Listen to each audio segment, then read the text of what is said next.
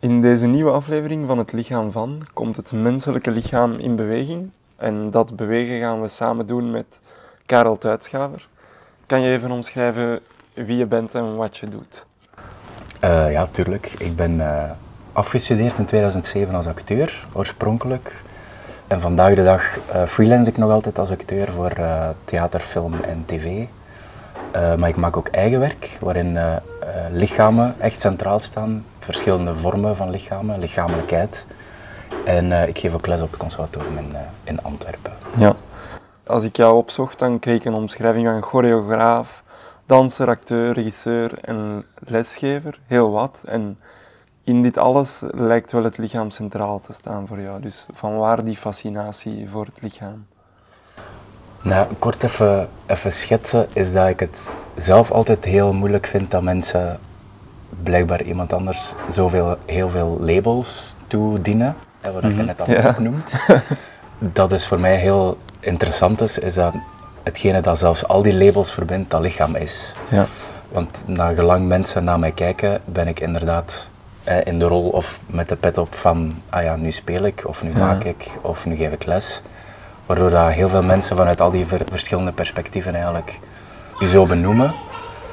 Maar ja, ik ben natuurlijk wie dat ik ben en ik heb maar één lichaam. En dat vind ik eigenlijk heel, uh, interessant, of dat probeer ik ook in mijn, in mijn eigen werk te doen. Binnen de verschillende dingen die ik doe, is altijd kijken naar uh, het lichaam zelf. Naar wat dat, dat lichaam vertelt, wat dat, dat lichaam mee heeft aan, ja, aan geschiedenis, aan, aan visie. En hoe dat je dat kan veruiterlijken, of welke vorm dat je eraan kan geven. Ja. En daarom vind ik het belangrijk ook in, in het eigen werk dat ik maak, dat ik... Uh, dat vind ik wel een leuk spel. Ik laat me niet altijd vatten als dit is het soort werk dat ik maak. Ik denk wel dat ik een hele eigen methode heb. Ik heb ook een, een eigen esthetiek of een eigen visie daarin. Maar ik werk met heel veel verschillende soorten lichamen. Dus ik kan even goed werken met mensen die tussen aanhalingstekens amateur zijn of die geen technische spel- of dansbagage hebben. Uh, ik kan even goed werken met, met mensen die dat wel hebben met mensen die daar bijvoorbeeld niet in geïnteresseerd zijn. Nou, dat is heel divers. Dus ik ben altijd geïnteresseerd in een bepaald soort thematiek dat ik wil onderzoeken, binnen lichamelijkheid. En daar doe ik dan eerst zelf research naar.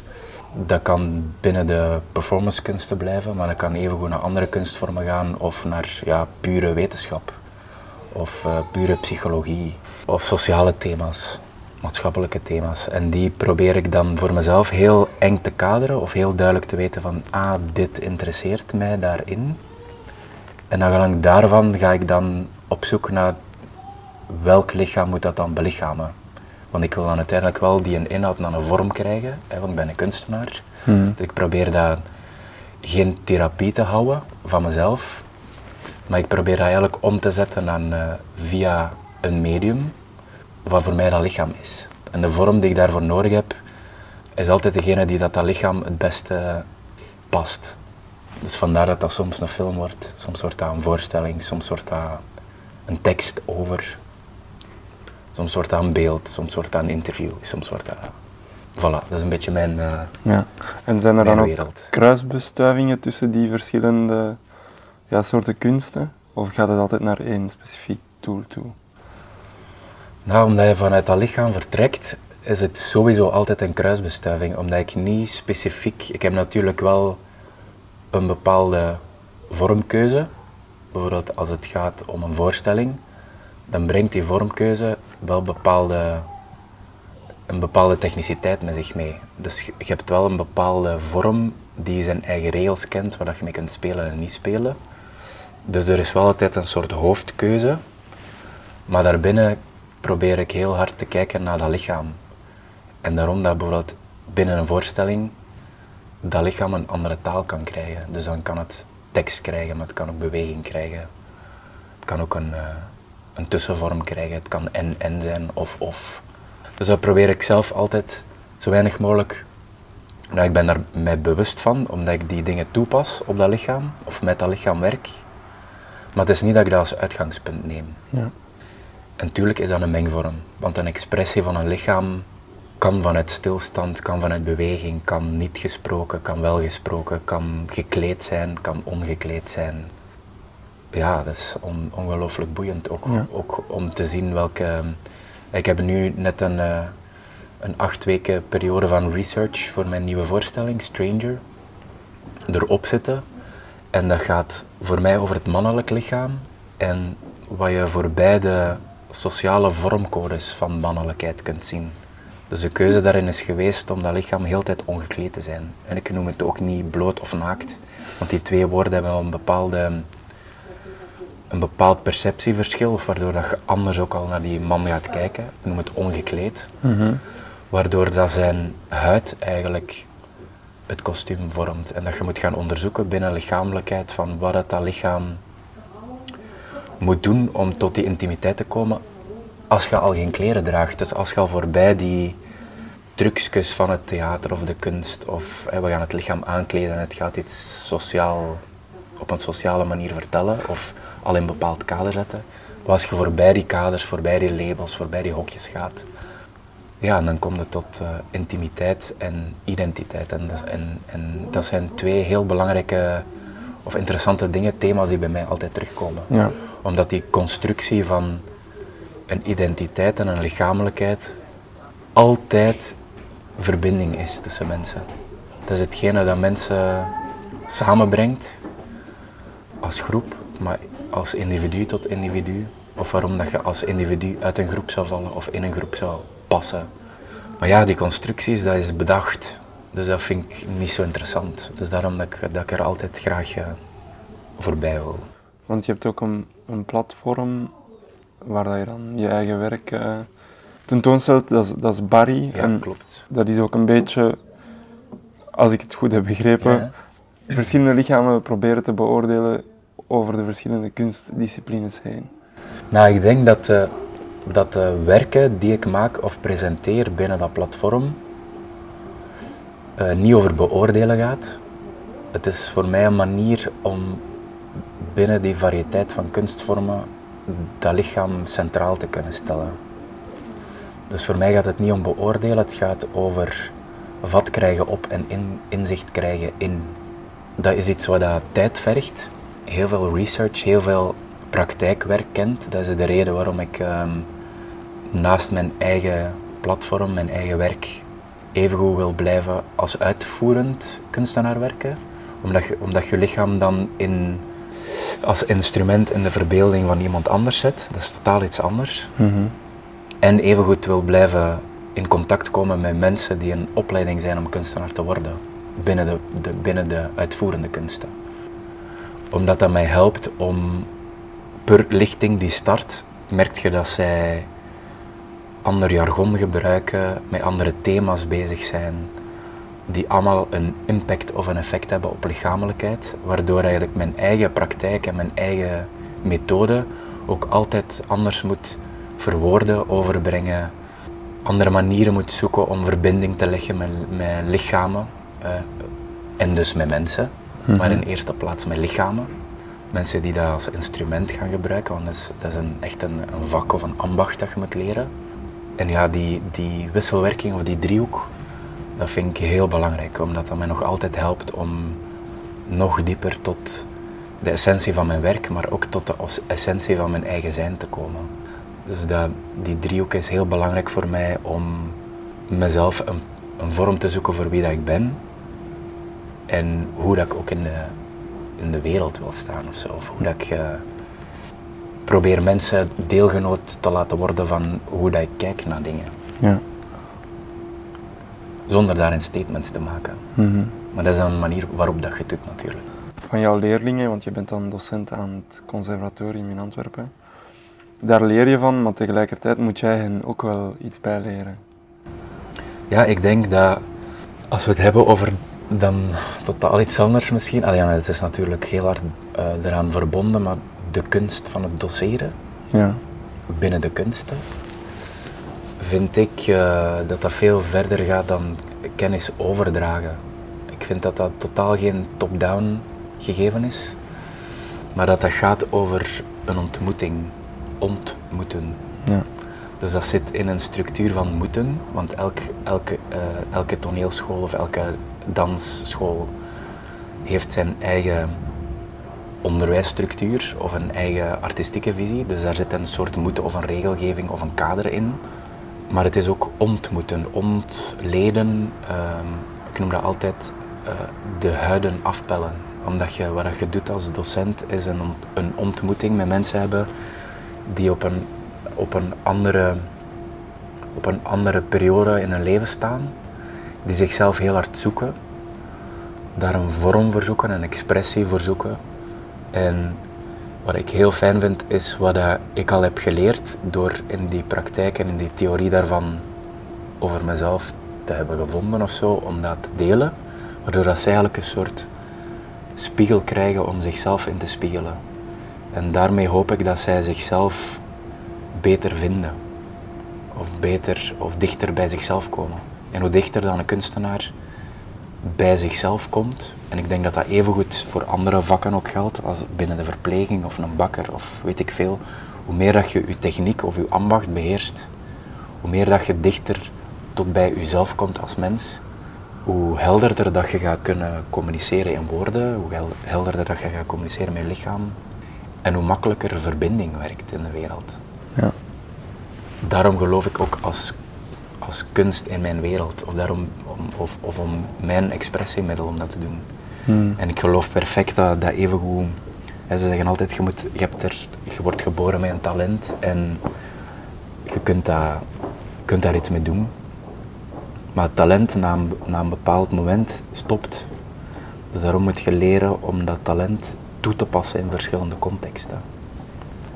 En dat is dan, dat is dan wat het vak inhoudt. Maar dat geldt even goed voor, ja, ik zeg het, hè, kinees. Ja, noem maar op, elk vak in de wereld.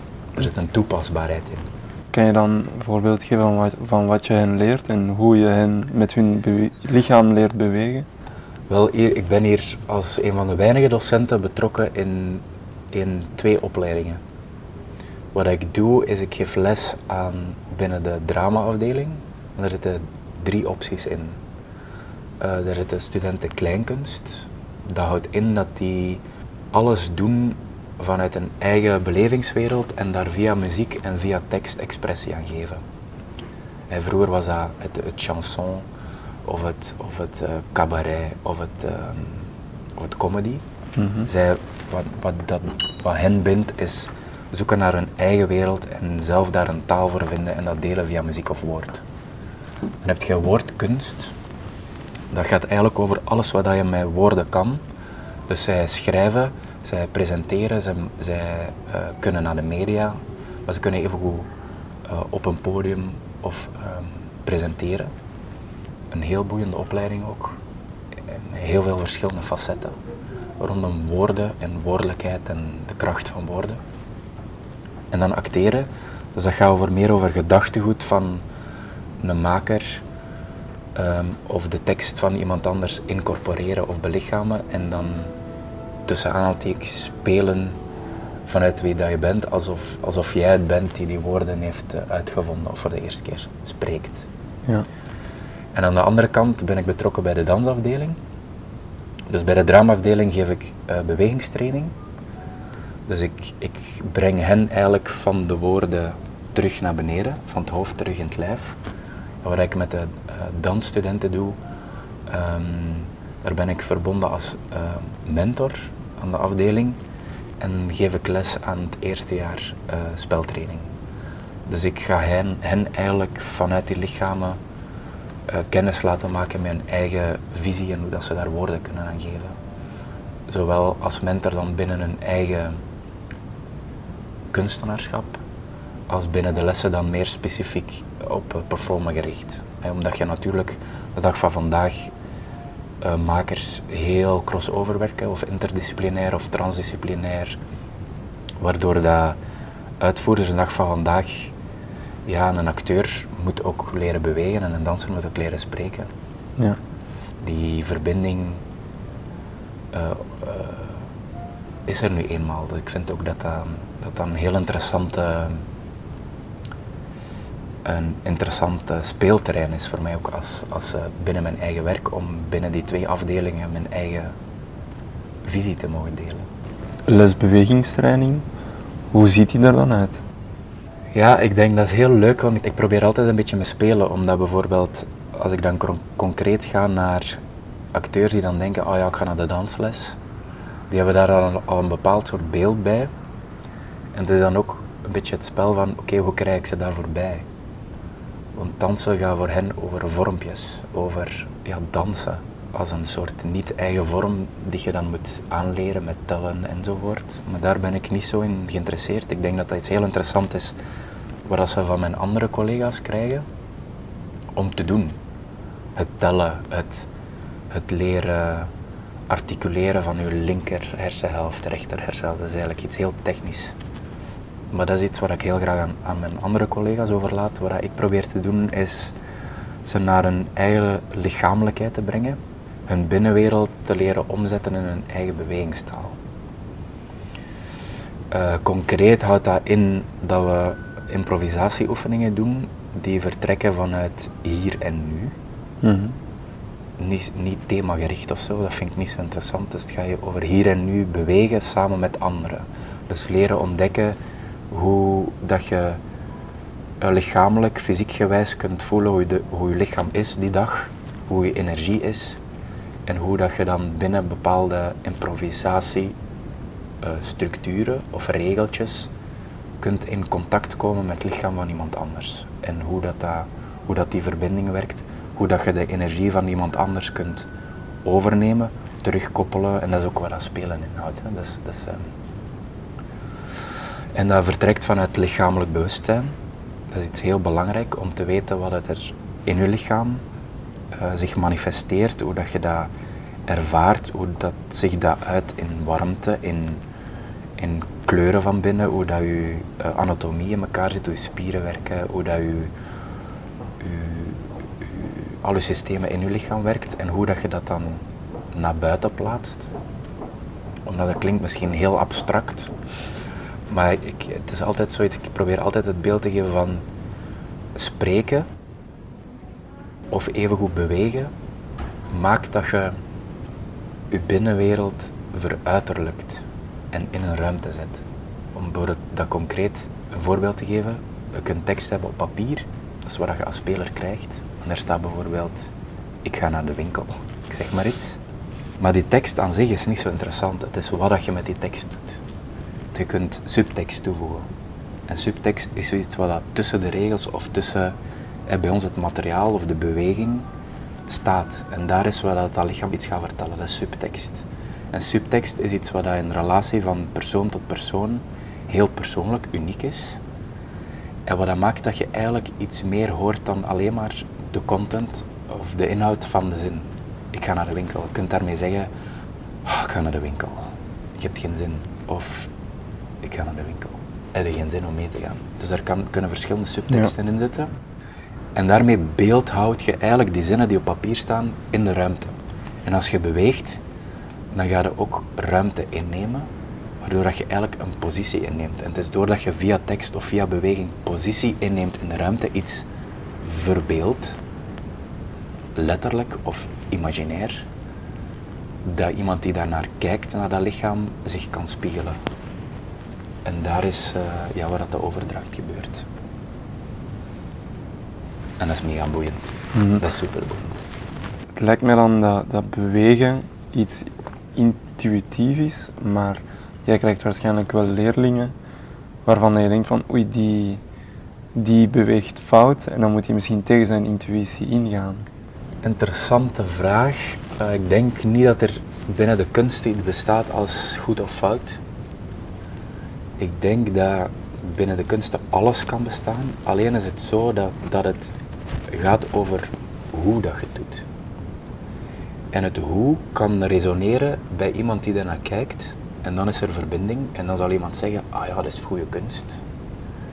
Maar het is ook de kunst om te kunnen zien dat iets misschien vormelijk of esthetisch niet resoneert bij u, of dat je daar geen verbinding mee hebt, maar dat, dat iets als kunstenaar technisch goed gemaakt is.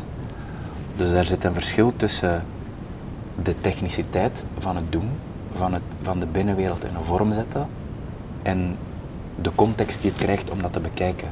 En het al dan niet daar verbinding mee leggen als kijker maakt dat mensen zeggen, ah, dat is goed of slecht. Maar ik denk dat, er, dat, het, dat het ook een, de kunst is van kijken, of de, de uitdaging zou kunnen zijn van een toeschouwer om verder dan goed of slecht te kijken en te zien van, ah, maar wat wil die expressievorm, wat zit erachter? Wat was de bedoeling van iemand om dit in, op die manier leesbaar te proberen maken of te communiceren? Maar om tot uw vraag terug te komen, want dat gaat over kijken naar lichamen, als je het hebt over hoe mensen hun lichaam inzitten, is het dus doordat ik de techniciteit van het woorden spreken of het bewegen begrijp of belichaam, omdat dat mijn vak is, kan ik ook zien bij mensen die dat vak leren, Mhm. wat er voor beide eventueel tussen aanhalingstekens goede of foute vorm zit. Ja. En dat is wat dat ze hier komen doen op school. Want ik kan me inbeelden dat je soms op limieten stoot, want niet iedereen kan Ja, dezelfde klopt. manier van bewegen aan. Maar va- vandaar het is belangrijk dat iedereen zijn eigen manier vindt om dat te doen. En dat je nadien die eigen manier in verbinding leert stellen met iemand anders en zijn andere manier van verbinden. En ofwel heeft dat een conflict, ofwel komt er vanuit die samenwerking tot nieuwe vormen. En de, de limieten die dat met zich teweeg brengt, kunt je ofwel gebruiken eh, als kunstvorm om te laten zien van ah, this is the limit and this is where the friction starts. Ofwel ehm ja, gebruikte dat als mens, als kunstenaar, om te zien van ha, hoe komt het? Waarom kom ik hier tot een limiet? Psychologisch. En hoe, hoe komt het dat ik voel dat ik hier psychologisch begin te remmen en dat ik ergens op een grensgebied kom? Hoe komt het dat het conflict dat ik voel met iemand anders eigenlijk een conflict is met mezelf? Daar zit ook een spiegel in. Maar evengoed, waar zit, kom ik in conflict met mijn lichaam? Waarom ga, geraakt mijn lichaam bijvoorbeeld geblesseerd? Je kunt psychologisch geblesseerd tussen aanhalingstekens geraken en dan gaat het bijvoorbeeld, wordt het bijvoorbeeld depressief, psychoses, noem maar op. Dat wil zeggen dat je, je, je lichaam eigenlijk een soort je lichaam in, een, in je psychologie in een vorm zet waarmee dat aangeeft van dit is de limiet.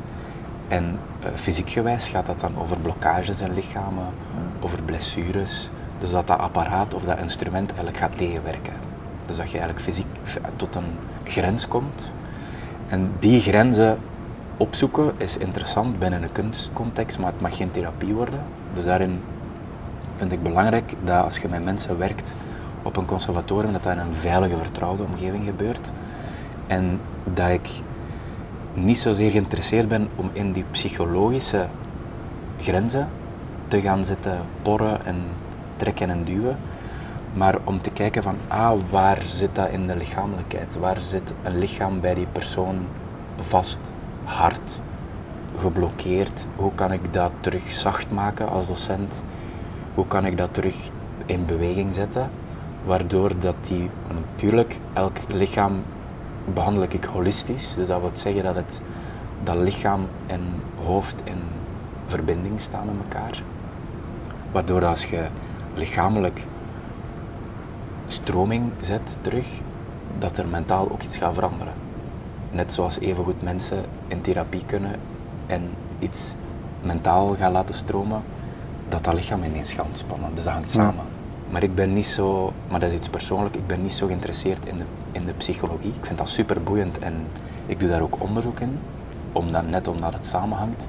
Maar ik kijk liever naar wat er zich in dat lichaam afspeelt en wat dat zich met zich meebrengt. Snap je? Dat is een andere, een andere benadering. Omdat dat is dan meer naar de anatomie toe? Naar de anatomie, uh, ja, en naar hoe en waarom dat, dat lichaam beweegt zoals het beweegt en hoe kunnen daar verandering in brengen. Net zoals dat bijvoorbeeld andere docenten die bijvoorbeeld, ik zeg maar iets, culturele stroming geven, die benaderen dat vanuit een maatschappelijk-sociaal standpunt. In de spelles gaat dat soms meer over de psychologie van een personage, maar nog altijd, voor mij gaat het verder en gaat het altijd terug naar het lichaam. En over hoe dat dat lichaam verbindt met andere lichamen. Je, je bent leerkracht, dus heb je, moet je dan ook mensen afkeuren omdat ze niet goed genoeg bewegen? Nou ja, afkeuren. Dat is misschien een, een, een hard woord. Dat is een heel hard woord. Ja. Ik denk dat, dat zij het vaak interpreteren als afkeuren. Maar met heel veel respect, dat zegt dan ook iets over hen. Mhm. En over het onderzoek dat zij op dat moment aan het doen zijn. Het gaat er eerder om, vind ik, dat je als docent of als, als, als team zo helder mogelijk en eerlijk mogelijk ook met iemand die zo fragiel onderzoekt wie dat die is, moet terugkoppelen of dat ook gezond is om te doen. En of wat dat de impact van iemand ook kan zijn. Eén, is het een goede kunstvorm? En weet die persoon dat al? Want iemand kan denken, ah, ik ga danser worden, maar misschien wordt dat een schilder. En zien wij dat daarin? Ja. Dus is het een goede kunstvorm? Is die persoon in staat om talent om te zetten in techniek en in ambacht? Dat is ook een aspect die meespeelt. Misschien is iemand technisch heel goed, maar heeft hij wat dat wij noemen geen wereld of geen kleuren achter zich. Dus dat wil zeggen, heeft hij ook iets te vertellen. Mhm. Want je kunt maker zijn, maar als speler moet je ook iets te vertellen hebben. En dan heb je ook nog iets als tijd en ruimte. Ehm, iemand kan heel goed zijn, kan dingen maken die ongelooflijk binnenkomen. Maar als die toevallig werkt, ik zeg het, toevallig werkt in thema's of in een, of in een, tijdsruimte die sociaal-maatschappelijk zoiets anders nodig heeft, of, of dat, ik noem het buiten het kunstcircuit, de mens of de schouwburgen of de kunststroming niet ziet of het niet opzoekt, wordt het ook niet gezien. Ja. Dus dat is eigenlijk een gigantisch grote balansoefening om te doen. En een, eigenlijk een bewustwordingsproces, evengoed als instituut, van wie haalt je binnen en wat levert je af naar de buitenwereld, naar het veld. Maar evengoed omgekeerd, is het veld klaar of is het veld goed om iemand die hier zit dat te laten doen. En dat is een heel grote verantwoordelijkheid, maar evengoed een, een heel interessante oefening om te doen. En daarin vind ik dat, dat die spiegel die wij daarin vormen voor een student, wij hebben ons verhaal daarin. Alleen is het zo dat wij niet anders kunnen dan heel eerlijk ons verhaal delen. En de consequentie is natuurlijk, omdat je binnen een onderwijssysteem zit, dat dat soms niet past. En dan moet je mensen afwijzen. En afwijzen is iets wat, dat, wat zij zo interpreteren. Maar ik vind het feit dat iemand hier start, toont al dat wij in hen geloven. Dus ik denk dat het op, op het punt dat wij het, het afwijzen doen, of zeggen van hier stopt onze samenwerking of ons verhaal, dat het dan eerder gaat over niet zeggen je bent geen danser of je bent geen performer of je bent geen acteur, maar je bent het misschien wel, maar niet op deze plek. Ja. En dan is het aan die persoon te denken van, oh nee, ik ga daar effectief in verder en ik ga een andere omgeving zoeken, een andere school, of ik ga gewoon dat veld in en ik zie wel, ik ga audities doen en mhm. En andere mensen, ja, die gaan totaal iets anders studeren, die houden daar dan een, tussen aanhalingstekens, eh, een ander klein traumatje aan over. Maar dat zet dan wel weer iets anders in beweging. Bijvoorbeeld, er zijn dansers die hier drie jaar leren om zichzelf en hun lichaam zo hard te leren kennen, dat die zeggen van ik ga nu verder in de dans, maar ik word gewoon een heel erg goede eh, kine. Ik ga kine verder studeren. En dat, dat lichaam zet opnieuw iets in beweging. Hè, want we hebben het Mhm. over bewegen, in beweging zetten. Kunst zet mensen in beweging. Zet, zet iets.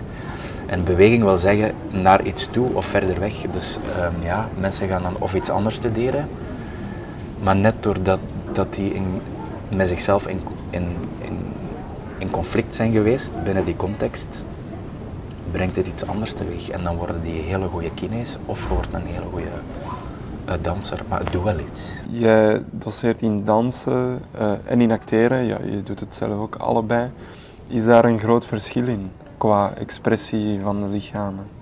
Nou ja, wat je uiteindelijk ziet in de, wat wij noemen output, dus in de kunstvorm, in de voorstelling of in de performance, die vorm verschilt heel hard van elkaar. Maar de oorsprong waaruit zij vertrekken om tot die inhoud te komen, verschilt niet zoveel. Waarmee ik wil zeggen, ik, hè, dat is wat ik daar juist zei, ik probeer verder dan de taal die zij hanteren, beweging of tekst, verder te gaan naar wie ben jij, wat doe je, waarom en vooral binnen de kunsten, hoe, op welke manier doe je dat. In C verschilt dat niet zoveel van elkaar. Ik moet wel de beide kunnen lezen om hen tot daar te brengen, omdat zij natuurlijk hier binnenkomen en super hard gericht zijn op, op die beweging of op die tekst. Ehm, en ik probeer hen daar voorbij te brengen. En ik denk als je kijkt naar, naar de creatie of in de studio of tijdens het repeteren, verschilt dat niet zoveel. Het is wat dat die vorm oplevert, dat heel hard kan verschillen van elkaar. Heb jij in jouw hoofd dan ook bepaalde lichamen op het podium die je zelf wilt zien? Of zijn er voor jou ontelbaar veel lichamen op een podium? Vanuit mijn eigen werk uh, zie ik wel altijd bepaalde lichamen. En daar doe je natuurlijk ook dan castings voor, of geen castings en gaat direct op de man of de vrouw mm -hmm. of, uh, of op de persoon liever af. Um, van hey, ik zie jouw lichaam als een belichaming van mijn idee. Maar als docent gaat het voor mij niet over het, het, een bepaald soort lichaam zien. Ja.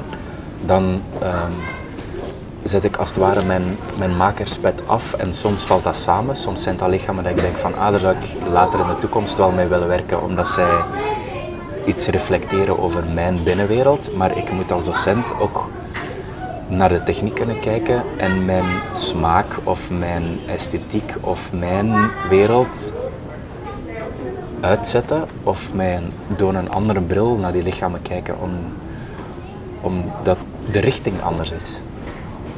Als je als maker naar een lichaam kijkt, dan, dan verbind ik mij als maker tot dat lichaam.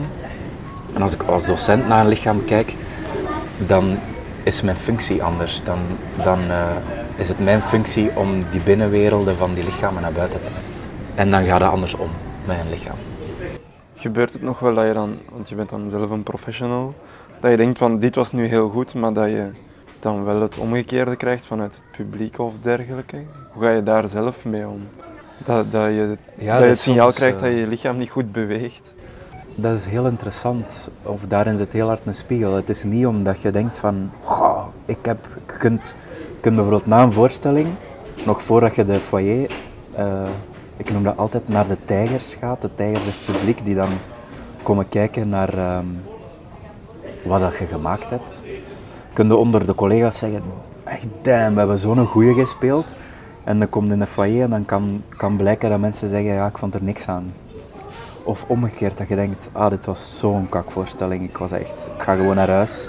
Maar ja, ik ga dan toch nog eerst iets drinken om, om ons delen af te sluiten. Dat mensen zeggen, ongelooflijk, uh, echt fantastisch. Uh, dus dat verschil kan zo groot zijn. Het is niet omdat je, omdat je als groep mensen soms iets kunt afleveren dat heel goed is, dat mensen het ook als dezelfde manier ervaren. En dat hangt af met de kijkcontext, maar evengoed met de dag dat iemand heeft gehad en denkt van, oh ja, ik heb een abonnement op dat theater en uh, ik had eigenlijk een kakdag, maar ik moet toch gaan kijken, dan projecteert hij dat daarin.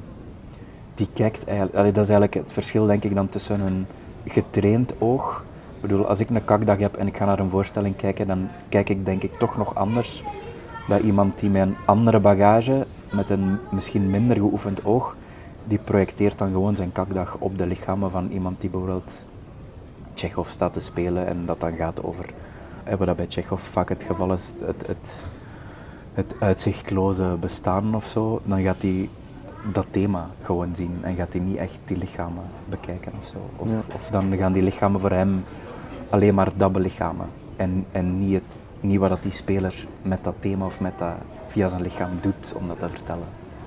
Je zei daarnet ook dat je, je werkt met professionals, maar soms ook niet. Is daar een heel groot verschil in? Dat hangt ervan af waar je als uh, maker naartoe wilt. Het enige verschil zit hem in het feit dat mijn werk heel vaak voorbij content gaat of thema's gaat over dat lichaam. En als je het hebt over lichamen, gaat het over zijn. Gaat het niet over ik ga doen of ik ga spelen of ik ga performen, maar het gaat over zijn en de intimiteit van een speler. En dan hangt het af van de soort opleiding van een professional, of dat ik eerst moet afpellen om tot zijn te komen, of dat hij daar al toegang tot heeft. En vaak is het zo bij, dat het proces bij professionals gaat over afpellen en hen dan inzetten in mijn vorm. En bijvoorbeeld bij, ik noem het nu amateurs, die bijvoorbeeld de techniek niet hebben, zij zitten al bij zijn en hen moet ik eerder techniek bijbrengen om die naar mijn vorm te krijgen. Dus dat is eigenlijk het verschil. Maar bijvoorbeeld, we hebben hier op, op eh, het conservatorium binnen de dansafdeling een, eh, een labo, een inclusief labo. Dat maakt dat wij mensen die geen technische bagage hebben van spelen, en dan niet zozeer amateurs, maar dan op dansvlak uh, mensen hebben met een beperking. Die dus bijvoorbeeld mentaal of fysiek een, een afwijken zeg maar, van het, het zo achterhaalde, maar jammer genoeg nog altijd ingezette perfecte danserslichaam. Mm wij brengen die samen om te zien wat dat die van elkaar kunnen leren. En dat is zo ongelooflijk interessant omdat je ook anders moet leren denken, anders moet leren spreken en anders moet leren kijken en werken met lichamen. Omdat het is heel makkelijk om met perfecte lichamen te werken. Maar het is zoveel, vind ik, ontroerender, interessanter, mooier om dat ook inclusief te maken. Omdat die verbinding anders tot stand komt. Omdat je niet met de reguliere, gekende jargonnen en codes van de kunsten even spik en span een voorstelling in elkaar klopt. Ja. Je moet echt gaan kijken naar wat dat er zich afspeelt tussen die mensen en wat dat die aan verhalen binnenbrengen en wat dat die als lichamelijkheden binnenbrengen.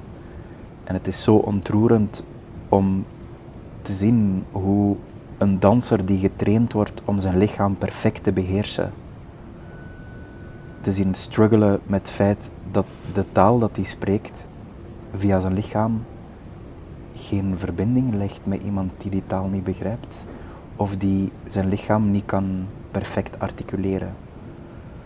Nou ja, perfect hè, binnen het oog van wat is perfectie, maar binnen het dansersoog zal ik het zo zeggen, perfect beweegt. Ja, ik ben niet geïnteresseerd in perfect of niet uh, perfect. Ik ben geïnteresseerd in werkelijkheid of ja, zijn. En ik denk dat dat ontroert. Ik denk dat dat veel interessanter is om vandaag de dag binnen de kunsten te delen dan iets wat dat vroeger als perfect zou bestempeld worden of zo. Ik denk dat we daarin zoekende zijn, zowel binnen het kunstenlandschap als evengoed binnen, binnen de wereld. Wat is, wat is nog perfect en bestaat zoiets en wat werkt en wat werkt niet? Werkt, alle, werkt niet alles? Hoe kijkt je naar de dingen? Ja, voilà. Daar zit ik een beetje zelf in, denk ik, binnen wat ik maak ook te zoeken. Omdat ik omdat enerzijds hebben mensen nodig, het label nodig van ah, ik kom naar dans kijken, of ik kom naar theater kijken, of ik kom naar een voorstelling, of ik kom naar een performance, of hoe dat je het ook wilt noemen, kijken. Zodat ze snappen wat dat ze zien. Mhm. Of dat ze zich kunnen verbinden daarmee, of dat ze die, die codes kunnen begrijpen en dat op die manier kunnen lezen of verbinding mee leggen. Maar ja, is dat nog interessant?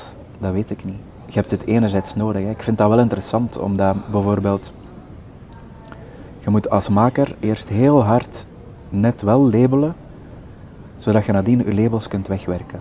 Dat werkt altijd zo. En ik denk dat maatschappij dat ook doet. Je moet, je moet het net heel hard over iets hebben, om dat nadien te kunnen loslaten. En dat is soms heel frustrerend, omdat je als maker iets wilt maken dat voorbij labels gaat. Dat gaat over lichamen en niet over het label van dat lichaam. En daar zit je al en dat wilt je vertellen. Maar om je publiek dat te laten zien, moet je het jammer genoeg, en dat is heel frustrerend, eerst zo hard labelen, zodat je mensen daar naartoe krijgt om die nadien dat zelf te laten ontdekken en dan kunnen die labels loslaten. Maar ik heb dat al ontdekt. Maar om anderen dat te laten ontdekken, moet je het net heel hard labelen. En dat is ontzettend frustrerend. Of dat is heel tijdrovend, dat is heel... Ja, dus ik laat dat nu een beetje los. En daarom geloof ik ook in de kracht van lichamen. Ik doe wat ik wil maken en ik hoop dat het op een gegeven moment zal resoneren. Nog een laatste woord dat ik met jou wil oplichten, omdat Ja. ik het af en toe zag terugkomen, of regelmatig zag terugkomen, is intimiteit. Dat is Ja. heel belangrijk Ja. voor je Ja. in het bewegen. Ik denk dat intimiteit de sleutel is om tot een, een ware lichamelijkheid te komen. Omdat intimiteit maakt mensen zacht. Intimiteit is heel dicht, is het dichtste, is een sleutel om het dichtste tot bij iemand anders te komen. Of het dichtste om iemand anders bij uzelf te laten komen. Intimiteit is klein, dat vind ik ook heel leuk. Dat is eigenlijk iets dat heel uniek is en op het eerste zicht niet bestaat. Dus dat is iets dat voor mij uitnodigt om in te zoomen, om naar op zoek te gaan. Dat is niet schreeuwerig, dat is klein, zacht, uniek, dat is kwetsbaar. En dat is, dat is iets wat van alle tijden is. En intimiteit is ja, voor mij echt een sleutel daarin. Om af te pellen, om tot kern te komen, waarachtigheid, transparantie, iets universeels ook. Ja, dat vind ik, dat vind ik dus een soort katalysator of zo voor. eh, Oké. Karel, dan ga ik je nog bedanken voor het interessante gesprek. Merci, ik vond het heel fijn. Dank je.